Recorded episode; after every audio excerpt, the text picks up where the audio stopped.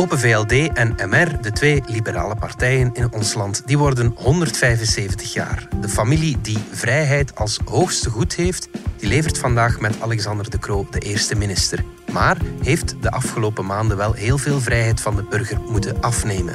Hoe vieren de liberalen hun verjaardag? Het is dinsdag 15 juni. Ik ben Alexander Lippenveld en dit is vandaag de dagelijkse podcast van de Standaard.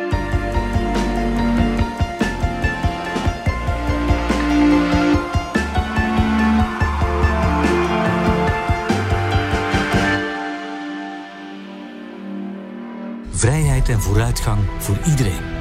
Daar vecht onze partij voor. Al 175 jaar lang.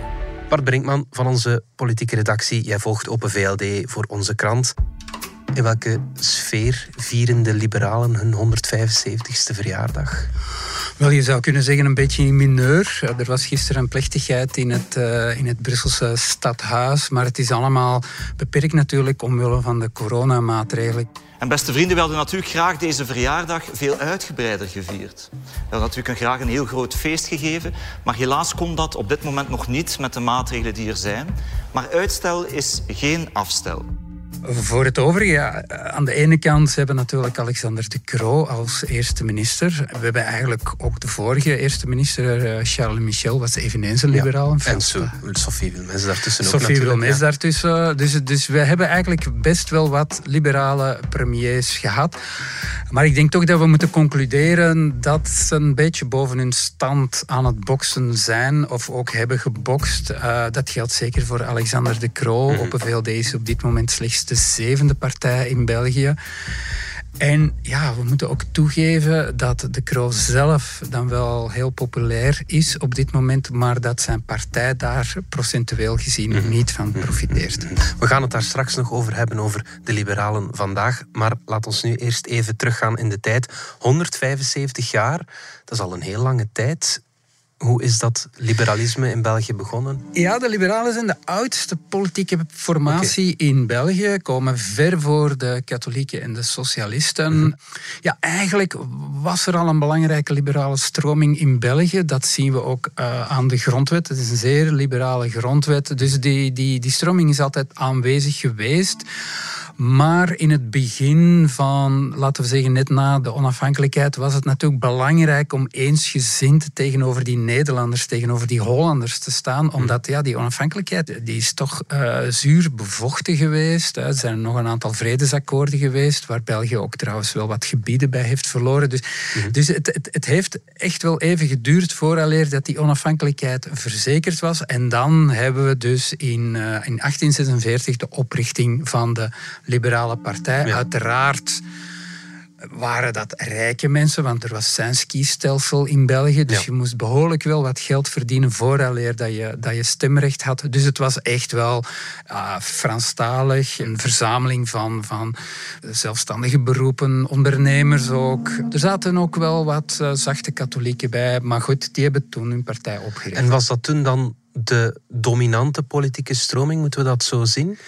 In zekere zin wel, gewoon omdat ze bestond. Dus je had een, een stevig organisatorisch voordeel ten aanzien van die andere groep, de katholieken. Van de socialisten was er eigenlijk nog geen sprake. Dat is meer later, vanaf 1870, 1880 eh, komen de socialisten echt op. Dus ze waren echt wel in het voordeel. En uh, ja, ze hebben ook een aantal regeringen geleid op dat moment. Maar uh, ze zijn intern verdeeld geraakt. En dat heeft een, wel een beetje... Ja, zo gaat dat bij succesvolle groeperingen. Hè. Vroeg of laat komt daar een machtsstrijd aan de top. Ja, maar het is, het is toch wel interessant en dat is misschien minder geweten. Je had eigenlijk een linkervleugel en een rechtervleugel. En die twee, eh, je zou kunnen zeggen dat die de dag van vandaag mhm. nog altijd bestaat. Maar toen was dat redelijk ferm en dan de linkervleugel, laten we zeggen de progressieve vleugel, ja, die was uh, bekommerd om het lot van de arbeiders. Ja, begin van de industrialisering, uh, slechte sociale omstandigheden. Dus die waren daar rond bekommerd. Je had ook de, de opkomende arbeidersbeweging, nog vooral via vakbonden of, zich organiserende vakbonden. Uh, je had de strijd om het stemrecht uh, en dat soort dingen meer. En die kwamen dus in botsing met de andere groep, de radicalen. Die vonden dat die arbeiders uh, maar moesten werken. Die natuurlijk meer bekommerd waren om hun eigen investeringen.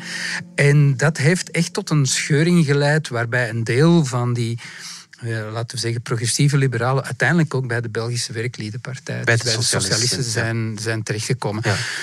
Aan de andere kant, en dat is een beetje merkwaardig, was er ook ergens eensgezindheid. En dat was rond ja, wat men dan heette de laïcité. Dus de mhm. scheiding tussen kerk en staat. Ook liberalen waren enorm overtuigd dat die scheiding noodzakelijk was. En dat was toen vooral gericht naar de katholieken. En dat ging over van alles en nog wat. Dat ging over regels, begrafenisregels, de plaats van, uh, van begraafplaatsen. Men heeft die toen buiten de stad gezet. Dat ging over, mag de overheid lagere scholen inrichten of moeten we dat aan de katholieken laten? Mag er godsdienstonderwijs zijn of moet er godsdienstonderwijs zijn in publieke scholen en dat soort dingen meer? Was dat toen de belangrijkste breuklijn? Eigenlijk was dat, uh, laten we zeggen, 1870, 80, 90, was dat eigenlijk de belangrijkste breuklijn. Is er echt in België heel veel ruzie gemaakt over dat soort van thema's. En het thema van de laïcité speelt op, op, op dit moment eigenlijk nog altijd mee. In welke zin speelt dat nog vandaag? Wel, je voelt dat die scheiding van kerk en staat dat dit nog altijd heel belangrijk is hm. bij, bij de liberalen. Want niemand stelt dat toch in vraag vandaag? Nee, niemand stelt dat in vraag, maar we moeten durven toegeven dat we van ver komen. Nog niet zo lang geleden was het niet ongewoon dat je in rechtbanken dat je daar nog kruisbeelden zag. Eh, nog niet zo lang geleden was het niet ongewoon dat bijvoorbeeld uh, publieke onderwijsnetten zich eigenlijk als semi-katholiek afficheerden. En dat was natuurlijk in Vlaanderen meer zo dan in Wallonië. Wallonië heeft de vrijzinnigheid altijd een, een, een, sterkere rol gespeeld dan in Vlaanderen, maar Vlaanderen is uiteindelijk een, was, was uiterst katholiek, met een zeer sterke meerderheid van, van de christendemocratie. En dus dat is eigenlijk een, een gevecht dat dat, dat dat toch heel de tijd gesluimerd heeft. En goed, die kruisbeelden zijn allemaal verdwenen, maar met, met de, natuurlijk de, de komst van moslims, um, waar er een aantal gebruiken zijn meegekomen, zoals het dragen van de hoofddoek, heeft die strijd toch een nieuw elan gekregen. Ja. Je zei daarnet dat die liberale partij dan uit elkaar gevallen is, min of meer hoe is het daarna geëvolueerd? Wel, er is een soort, van, een soort herstart geweest, begin 20e eeuw. Een soort verzoening, eh, waarbij de deel van de progressieven dat niet naar de BWP is gegaan. En de doctrinair dat die terug bij elkaar zijn uh, gekomen. En dan had je eigenlijk een liberale partij die natuurlijk uh, heel wat pluimen heeft gelaten. Omdat we ja, vanaf 19 heb je het algemeen stemrecht. Waardoor eigenlijk socialisten echt zijn kunnen doorbreken. Mm en dan, ja, liberalen waren een beetje het, de derde wiel aan de wagen, zeg maar. En dan krijg je, dat krijg je al in een, tijdens het interbellen, maar zeker ook na de Tweede Wereldoorlog, een liberale partij die god, goed is voor 10, maximum 15 procent. ja. Maar die altijd zo ja, af en toe mag meedoen. Hè. En je hebt een heel sterke christendemocratie en die, ja, die alterneert dan weer met de socialisten en de volgende keer met de liberalen. En zo ging dat verder. Dus eigenlijk een, toch een niet zo'n sterke stroming. Ja, Toch veel minder sterk dan, laten we zeggen, uh, rond de, de eeuwwisseling, uh, begin jaren 2000, wat die partij toch goed was voor 25 procent. Ja, ja, inderdaad. In 1961 kwam het dan tot een soort trendbreuk. Toen verdween het woord liberaal zelfs uit de partijnaam.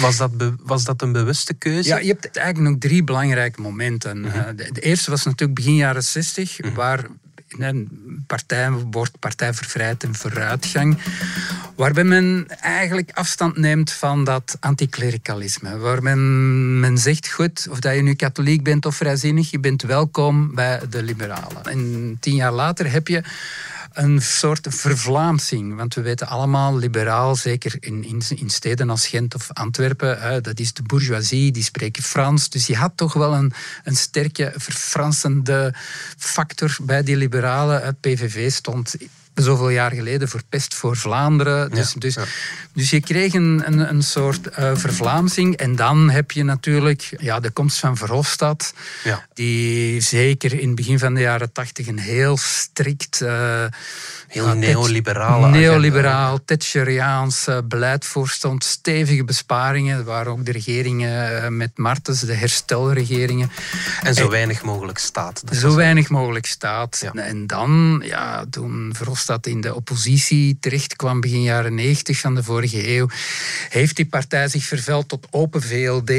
Wat eigenlijk bedoeld was uh, op termijn om, om de plaats van CD&V in te nemen. En De Open VLD moest de nieuwe centrumpartij worden. In plaats van CD&V, weg van de zuilen, directe democratie, een rechtstreekse lijn tussen de burger en, en de politicus, invoering van het referendum en dat soort dingen meer. Ja, ja, ja. Welke mate zijn ze in dat opzet geslaagd? CD&V bestaat nog steeds en is nog steeds groter. Wel, we moeten durven zeggen dat dat opzet volledig mislukt is. Mhm. Men is er even in geslaagd rond de eeuwwisseling. Uh, zeker na de eerste regering uh, Verhofstadt deed de Open VLD het ongelooflijk goed. Mhm. Maar ja, de tweede regering Verhofstadt was er te veel aan. En dan is er echt een, een, een toch wel een electorale kaalslag geweest waarvan men zich eigenlijk nooit hersteld heeft. En dat heeft met verschillende factoren te maken. En eerst is, denk ik, en Verhofstadt wordt altijd een beetje als je hem daarop wijst, dat is dat die partij is te veel naar links opgeschoven. Mm Dus men heeft een aantal zeer bediscussieerbare beslissingen genomen, onder meer het, het stemrecht voor migranten op, eh, op gemeentelijk vlak, wat die partij eigenlijk niet verteerd heeft. Mhm. En dus wat er ook voor gezorgd heeft dat een aantal mensen die partij verlaten hebben. Denk aan Hugo Koveliers, Jean-Marie de Dekker. Dus omdat men echt vond van we zitten te veel op, op het linker rijvak. En dan natuurlijk de tweede factor is de opkomst van de NVA. Mhm. Dus uh, eh, CD&V heeft zich eerst gedopeerd door in kartel met de NVA in 2004 naar de verkiezingen te gaan. Maar uiteindelijk heeft de NVA zich daarvan losgemaakt, is op eigen benen gaan staan. En we, ik denk wel dat we moeten durven zeggen dat de NVA nu die centrumpartij is geworden. Met 20, 25 procent. Alleen een stuk rechtser dan de VLD misschien voor ogen had. Maar ze is het wel geworden. Ja. En VLD heeft eigenlijk ja, die, die plaats niet meer kunnen innemen. Ja, want laat ons eerlijk zijn, Bart als je kijkt naar het oorspronkelijke kiespubliek van VLD, dat zijn zelfstandigen, dat zijn ondernemers, die stemmen vandaag niet op, op VLD, hè, die stemmen op NVA. Nee, dat is inderdaad het probleem. Dus men zit met een soort wissel van het electoraat en men slaagt er dus echt niet in om, ja, dat is, dat is voor een stuk ook onmogelijk, omdat de NVA heeft op socio-economisch vlak heeft echt wel het programma van Open VLD overgenomen. Mhm. En dus Open VLD zit daar een beetje met het probleem dat ze natuurlijk geen ander socio-economisch programma kan, kan schrijven. En dus probeert ze afstand te nemen van de NVA door afstand te nemen van dat Vlaams nationalisme. Door eerder, ik zal niet zeggen belgicistisch te zijn, maar toch te denken over herfederalisering en dat soort dingen meer. Ja. Gewoon omdat ze anders het risico loopt dat ze als een soort copycat wordt afgeschilderd. Mhm. Ja, en dan kiezen de mensen voor het origineel. En dat belgicistische, is dat iets dat, wat, iets dat kan aanslaan? Want in elke partijnaam tegenwoordig op rechts of in het centrum staat die V van Vlaams? Hè? Dat is een heel goede vraag.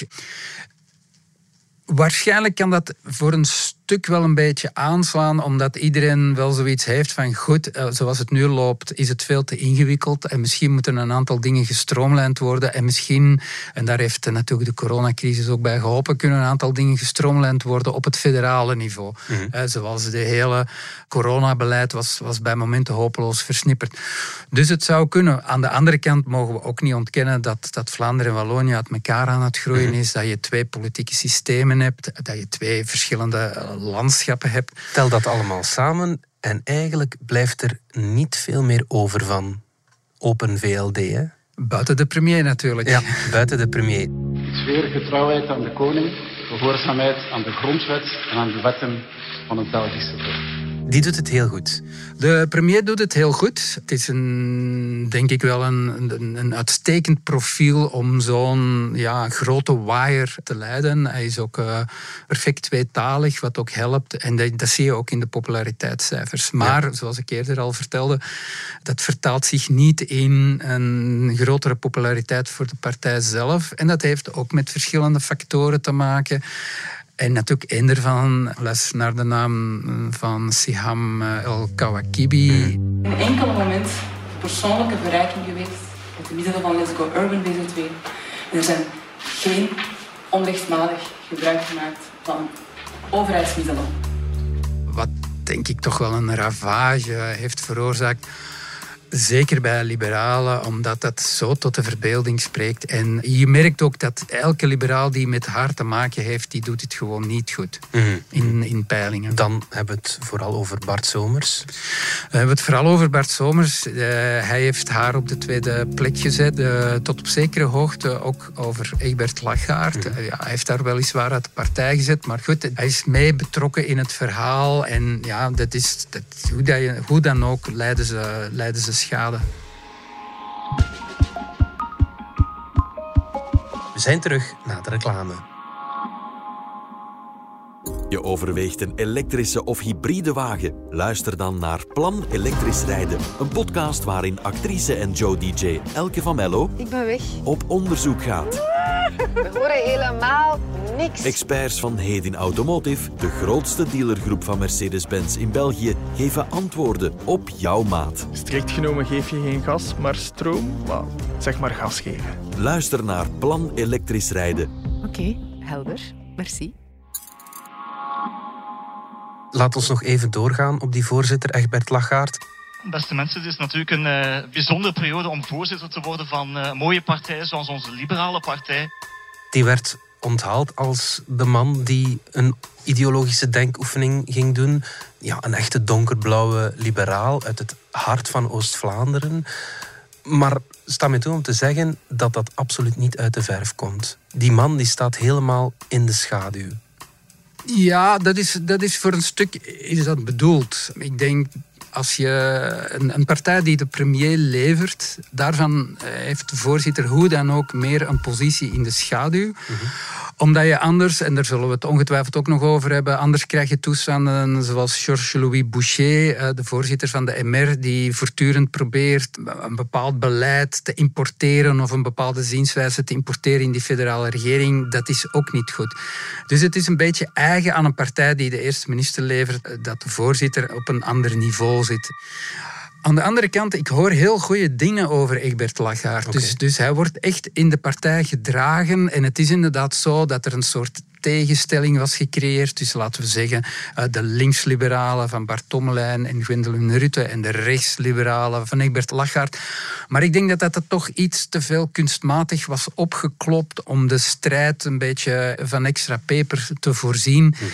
En ik hoor dat dat toch allemaal wel meevalt. En, en, en zoals ik zei, blijkbaar is er heel veel communicatie, interne communicatie, wordt er goed overlegd. Zelfs in coronatijd, wat het moeilijk maakt om op het uh, terrein te komen. Er is, er is ook overleg met de, met de afdelingen, met de burgemeesters. Dus eigenlijk, ik moet eerlijk toegeven dat ik nog geen onvertogen woord over de voorzitter heb gehoord. Dat was in het verleden ooit anders. Ze staan geboekstaafd als een partij van ruziemakers. Ja, dus een, eh, de VLD is een Mexicaans leger, hè, voor elk wat wils, hè, uh, zegt men wel eens. En we moeten durven zeggen dat dat met Lachart op dit moment erg goed meevalt. Nu, ik denk dat elke liberaal zich ook wel bewust is van het feit dat de partij in moeilijk vaarwater zit. Een liberaal vertelde me uh, vorige week, die zei ja, het gaat goed. Maar ja, om nu te zeggen dat het heel goed gaat, uh, om, om hoera te gaan roepen, dat is zeker niet het geval. Mm. Uh, dus er is ook heel wat terughoudendheid. Men weet dat de weg nog lang is, maar men hoopt natuurlijk uh, bij de komende verkiezingen de factor de Croo volledig te kunnen uitspelen en op die manier ook het verschil te maken naar, uh, naar de andere partijen. Ja, ja, ja. Maar kan je dan een campagne opbouwen rond één persoon? Moeten de mensen niet veel meer weten waar die partij nog voor staat vandaag? Goh, in alle eerlijkheid, campagnes worden altijd opgebouwd rond personen, veel meer dan, uh, dan rond, rond de inhoud. En um, ik denk dat dat bij de NVA ook zo is. Uh, die hebben ook campagnes gedaan waarbij de figuur van Bart de Wever op elke affiche stond. Zelfs al kon je daar in die kieskring totaal niet op hem stemmen. Mm. Dus ik denk dat men uh, bij de komende federale verkiezingen, uh, wezen het in 23 of in 24, want we moeten nog zien of ze de rit gaan uitdoen. Mm -hmm. Ik denk dat je op elke hoek uh, Alexander de Croo zal zien en dat je de dynamiek, het leiderschap, dat dat voluit zal worden uitgespeeld. Het is toch de man, en dat, is, dat moeten we wel durven zeggen. Er was heel veel pessimisme tijdens de moeilijke regeringsvorming. Dat heeft heel lang geduurd. En men, men, heel lang had men de indruk dat het spel volledig vastzat. De, vandaar ook allerlei initiatieven om eventueel met nieuwe partijen te starten of zo. Dus het, was, het was heel, laten we zeggen, een vrij creatieve periode. Ja. En dat is allemaal weg, omdat ja, we moeten natuurlijk zien hoe dat de komende maanden en jaren zal evolueren. Maar met Vivaldi staat er op zijn minst een regering klaar. Ja. Met een premier die door niemand, uh, of buiten de oppositie, maar uh, waarvan weinig mensen echt zeggen dat hij het niet kan. Uh, die, die de twee landstalen beheerst. Met, enfin, wordt natuurlijk versterkt door mensen zoals Frank van den Broeke, maar ook andere, andere ministers. Dus ja, ik denk... Is, is, is hij een staatsman, de Croo? Ja, dat is misschien wat vroeg om te zeggen. Maar in alle eerlijkheid, ik vind dat hij het niet slecht doet. Dames en heren, om dit virus te verslaan hebben we echt ieder van u nodig. Zorg goed voor uzelf en zorg goed voor elkaar. En dat ligt vooral in zijn communicatie, is denk ik uitstekend. Ja. Uh, beter dan Charles Michel, beter dan Elio Di Rupo. Is een uitstekende communicator. Maar tot hiertoe, en nog eens, we weten niet wat de toekomst brengt, maar tot hiertoe is hij er ook in geslaagd om een aantal netelige problemen op een ordentelijke manier op te lossen. We hebben een interprofessioneel akkoord, uh, zelfs sociale partners hebben een akkoord bereikt. Er is een akkoord over de kernaadsap. Goed, we moeten nog zien of dat, dat in het najaar bevestigd wordt. Um, er is bijvoorbeeld een akkoord rond de bedrijfswagens. Dus het slaagt er toch ook in om een aantal akkoorden te sluiten. Ja.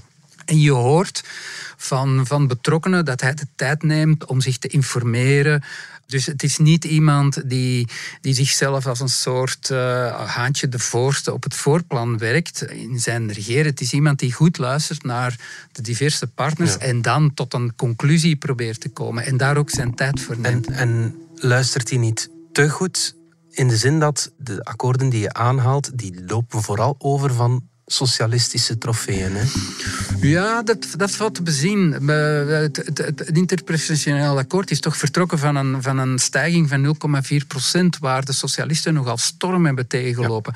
Ook het akkoord rond de bedrijfswagens is laat ons eerlijk zijn, een zeer liberaal akkoord. Goed, we moeten allemaal elektrisch gaan rijden, maar we, we behouden wel allemaal onze bedrijfswagen. Dus voor groen en voor rood waren dat toch moeilijke klippen. Mm. Maar het is ook bekend van de Kroo. De Kroo is geen ideoloog. Mm. Dat is een man die zeer soepel is in zijn denkbeelden. En dat helpt natuurlijk ook als je zo'n uh, veelkleurige regering moet leiden, dat je eigenlijk... Uh, zeer pragmatisch bent. Dat is ook een woord dat je dikwijls hoort. In België moet je pragmatisch zijn. Het land is zo ingewikkeld.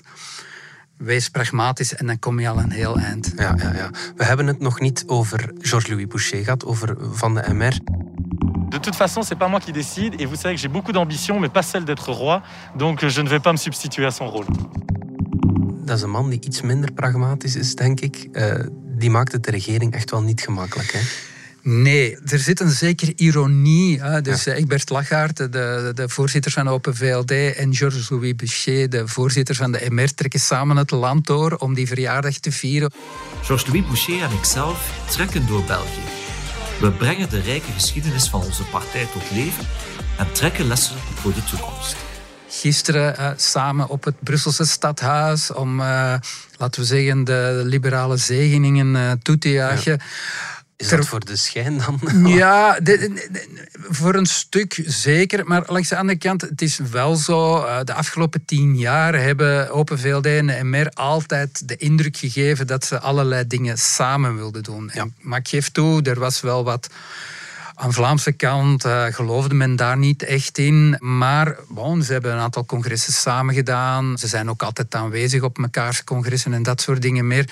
Dus ze proberen wel een bepaalde link uh, te verzorgen. En ze hebben ook ingezien dat ze samen gewoon sterker staan dan apart. Ik bedoel, eh, Lachart heeft ook het vuur uit de sloffen gelopen, uh, om niet te zeggen de NVA gewoon geloosd, mm -hmm. om de MR aan boord te houden. Maar het is zo, dat er is een andere politieke situatie in, in Wallonië. Uh, de MR zit daar eigenlijk in een gevecht met de PS om de grootste te worden.